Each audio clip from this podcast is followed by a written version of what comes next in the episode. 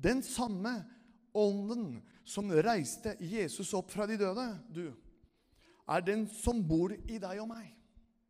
Den hellige ånds kraft virker i deg og meg. Tenk på det, du, hvis du visste ikke om det. Nå vet du det. Det er ånden. Det er ikke Fernando, det er ikke lederskap, det er ikke de som synger. Nei, det er ånden som hjelper deg og meg og vokser i vårt forhold til Gud daglig. Det er Den hellige ånd som kommer og virker i oss hvis vi lar Han å gjøre det.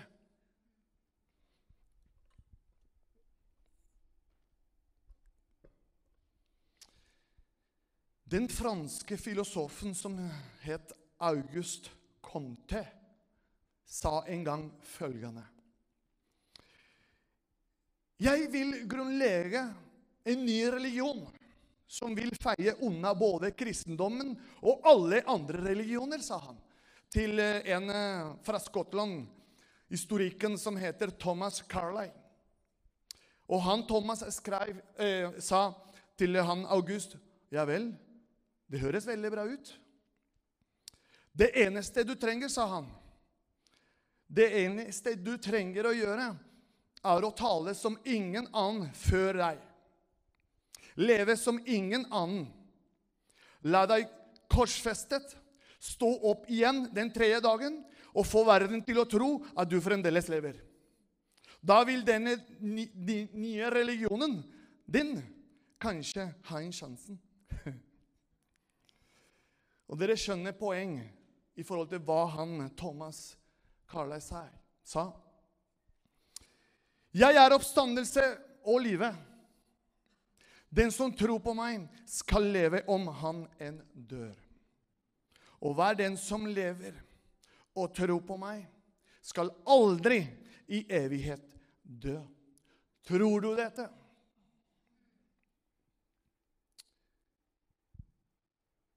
Jeg er oppstandelse og livet. Det er nesten det siste av de siv utsanger som står i Johannes evangelium, hvor Jesus sier det uttrykket 'Jeg er'. Vi har gått gjennom forskjellig av de utsanger, og i kveld er 'Jeg er' oppstandelse og livet. Den som tror på meg, skal leve om han enn dør. Og hver den som lever og tror på meg, skal aldri i evighet dø. Og der er Bibelen krystallklar. Vi skal alle dø. Noen prøver å utsette døden, andre prøver å innhente den. Det er fortalt at de gamle munkene hadde en hilsen som var slikt. Nå må du høre. Memento mori, hilser de hverandre, de munkene. Vet du hva betyr det? Husk du skal dø. Tenk at det nå kommer Rolf Harry og, og hilser på meg. Fernando, husk, du skal dø.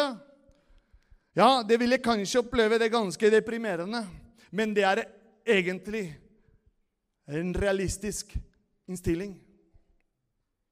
Derfor kom ikke Jesus til Martha og Marie uten å ta del i sorgen. Kjenner du på sorg? Har du kjent på sorg før? Ja, jeg regner med nesten de fleste. Eller vi, vi, vi kanskje alle. Så er det, ble, så det er helt naturlig. Det er farlig å fortrenge døden, og det den fører med seg. Likevel, Jesus setter et skille i møten å dø på. Da tenker han ikke på om du dør med smerter eller ikke, om den kommer som en brått slutt eller en befrielse av smerter. Jesus snakker om det forholdet mennesker har til han. Ingen av oss, ingen av oss, folkens, kan beseire døden. Men Jesus gjorde det. Kan vi høre en amen? Halleluja? Ja. Og i denne kapitlet, i, denne, i dette bibelavsnittet, må leses med tanke på at Jesus er verdens frelser. Bibelen sier at Jesus kom for å gjøre en slutt på døden. Paulus i 2. Timoteus 1,10 skriver følgende Og som nå er blitt åpenbart da vår frelser, Kristus Jesus, kom til jord. Han har tilintetgjort døden og ført liv og udødelighet fram i lyset ved evangeliet. Jesus tok ikke bort døden for kroppen vår, men han gir oss tro på at han beseirer døden. Beviset er at han sto opp ifra de døde. Døden kunne ikke holde på Jesus. Michael Green, en forfatter, som skrev en bok og ga et tittel som er følgende Døden Dagen da døden Jeg skal stoppe litt. Sånn. Dagen da døden døde om Jesus oppstandelse. Dagen da døden døde om Jesus oppstandelse. Tror du på Jesus, har du et levende håp. Da dør du ikke, selv om, om du dør. Det handler om mer enn det fysiske hverdagslivet. Det går nemlig an å leve og likevel være død. Jeg skal si det en gang til. Det går nemlig an å leve og likevel være død. Men det går an å dø og likevel leve evig. Halleluja! Det eneste avgjørende for å ha et virkelig liv, sier Jesus, er å tro på Han. Det er provoserende, men så enkel samtidig. Hva er denne troen? Martha og Maria var ikke i nærheten av å skjønne hvilken makt Jesus hadde. Deres tro var temmelig halvhjertet, som kanskje du og jeg har kanskje opplevd av og til. Selv da Jesus sa at de skulle ta steinen bort fra graven til Lasarus, begynte Martha å protestere. Dere kan lese det. Hun regnet ikke med det Jesus hadde sagt. Eller hun forstått det ikke, som av og til vi kan oppleve. Likevel fortsatte Jesus med planen sin. 'Lasarus, kom ut!' sa Jesus. 'Lasarus, kom ut!' Ut av hva da? Ut av døden. Ut av graven. Ut av tøyet som han var surret inn i. Dette skjedde for at, at de som tror, også du og, meg, skal få se Guds herlighet. Martha og Maria fikk se det, selv om troen deres var vaklende. Livet vårt her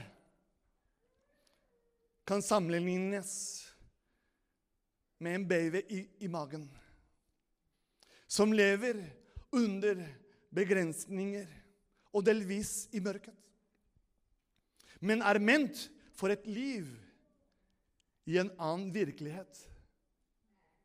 Babyen kan ikke se mor, men er fullstendig omgitt av henne.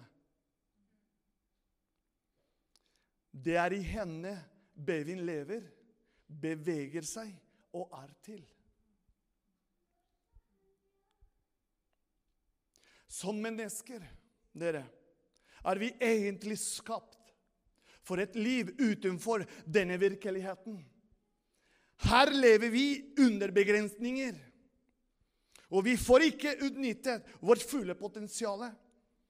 Vi ser ikke Gud. Vi ser ikke Gud men er fullstendig omgitt av Han. Som står i Apostlenes gjerninger 1728. Paulus skriver følgende, eller Lukas skriver følgende Det er at vi beveger oss og er til. Du kan gå til Apostelens gjerning, kapittel 17.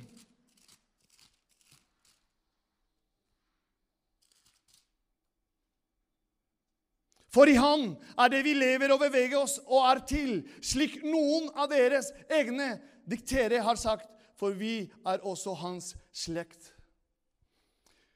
For i Han, i Han, er det vi lever og beveger oss og er til.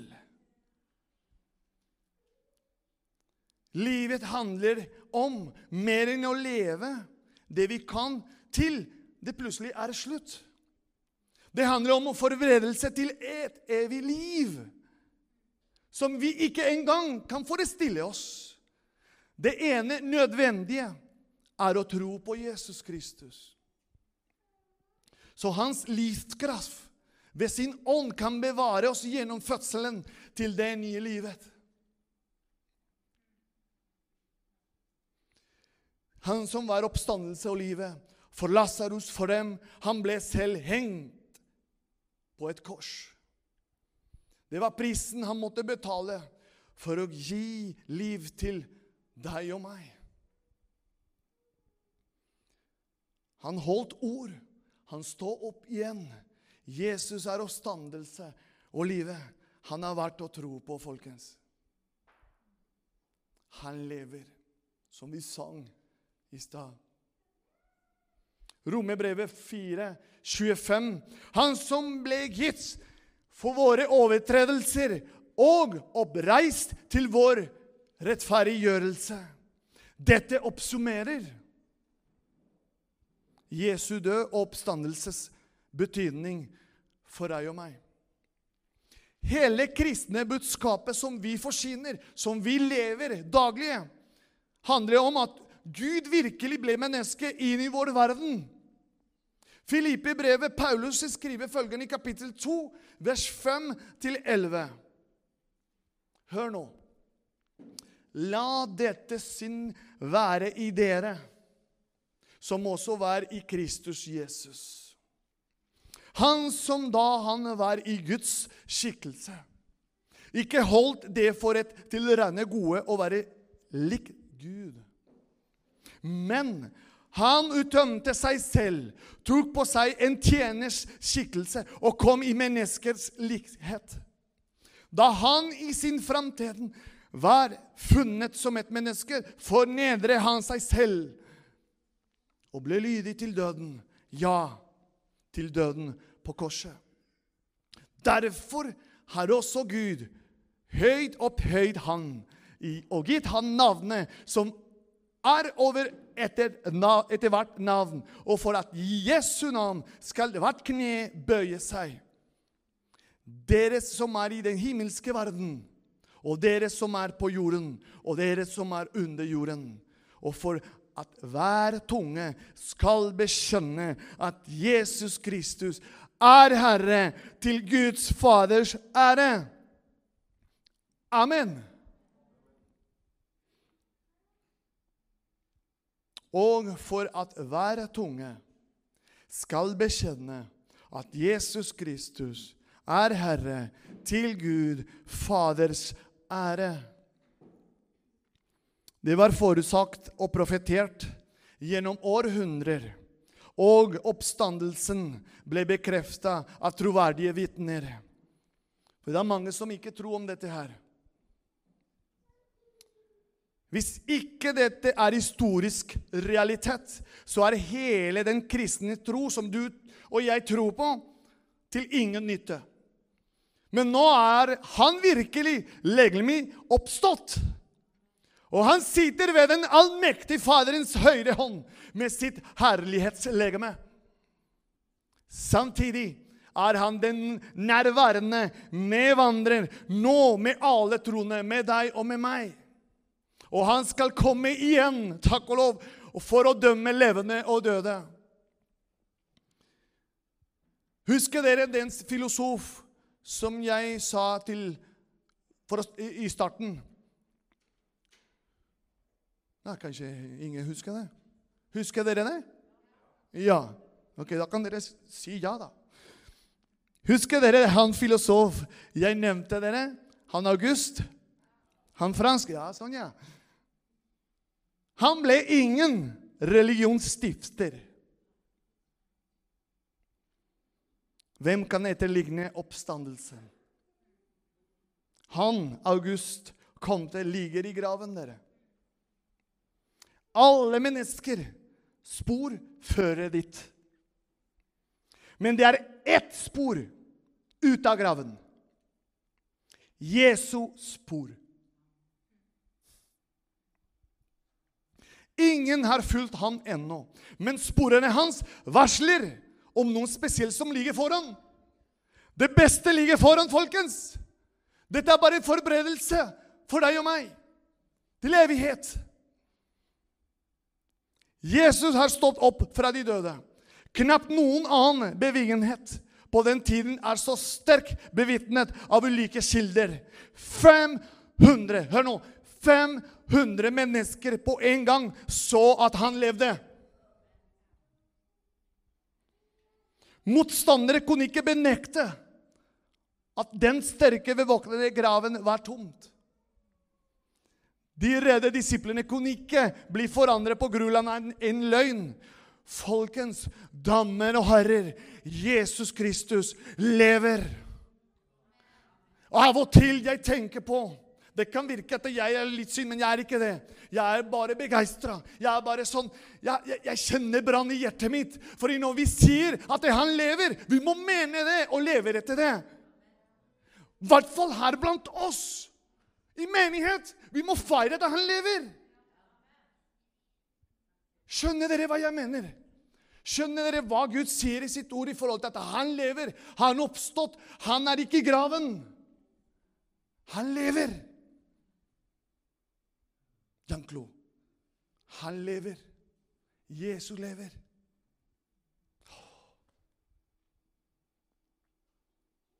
Kan dere reise dere opp?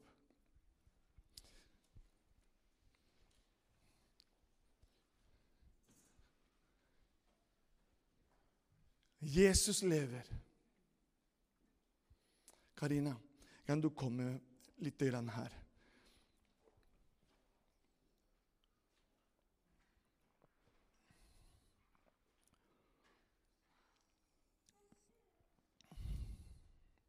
Jeg er oppstandelse og livet. Den som tror på meg, skal leve, om han enn dør.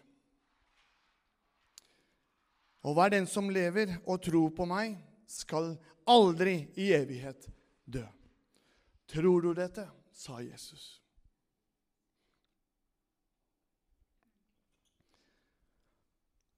Jeg vil bare spørre deg, som Jesus spurte, tror du dette? Tror du dette? Hva skal vi gjøre med det da, hvis vi tror på dette? Det er det spørsmål nummer to. Og det er noe som vokser i hjertet mitt mer og mer i forhold til Tror du dette, Fernando? Tror du hva jeg har sagt i mitt ord? Ja, Herre. Ja, hva skal du gjøre med det?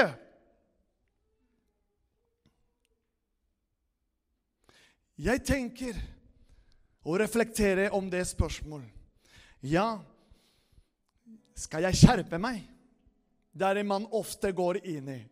Nei, nå må jeg skjerpe meg. Nå må jeg be mer. Nå må jeg lese mer. Men det handler ikke først og fremst om det. Nå må dere ikke misforstå meg. Det handler om at den, tror du sier 'ja, jeg tror på dette her', skal du la Den hellige ånd Den hellige ånd, ikke Fernando, ikke du sjøl i egne krefter. Den hellige ånd skal bearbeide med deg i hjertet ditt, som skal gjøre at forstanden din, tankene dine, blir endra og blir egentlig parallelt med Guds ord. Og blir en helt annen retning i forhold til det livet du lever nå, og det livet du skal leve i morgen. Så Den hellige ånd skal veilede deg, skal lede deg som talsmannen, som han sier. I, det, I den forstand du sier, 'Gud, jeg lengter etter deg'. Jeg har en lengsel, et hunger etter deg. Jeg vil bli kjent enda mer med deg. Det handler ikke om å skjerpe seg, det handler om hjertet ditt. Og lengsel. At han er oppstandelse, han er livet. Han er ikke død. Han lever. Han er til stede. Han vandrer med deg og med meg. Tror du dette? Å, Jesus. Å, Jesus. Å, Jesus. Det er i Han vi lever, beveger oss og er til. Det er i Han. Så gjennom oss, også Han som er i oss, blir Blir Jeg blir i Han, og Han i meg.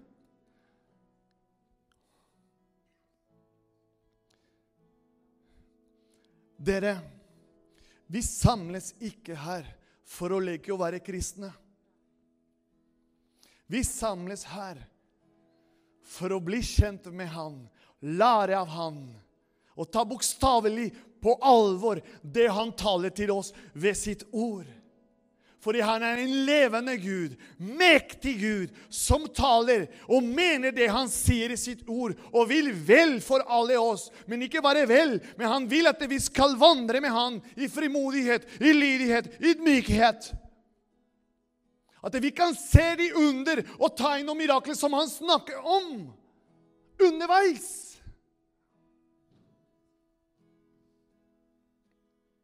Og det er ikke bare her i menighetssammenheng jeg snakker om. Jeg snakker om hverdag, hverdagen vår, daglige, der hvor vi er.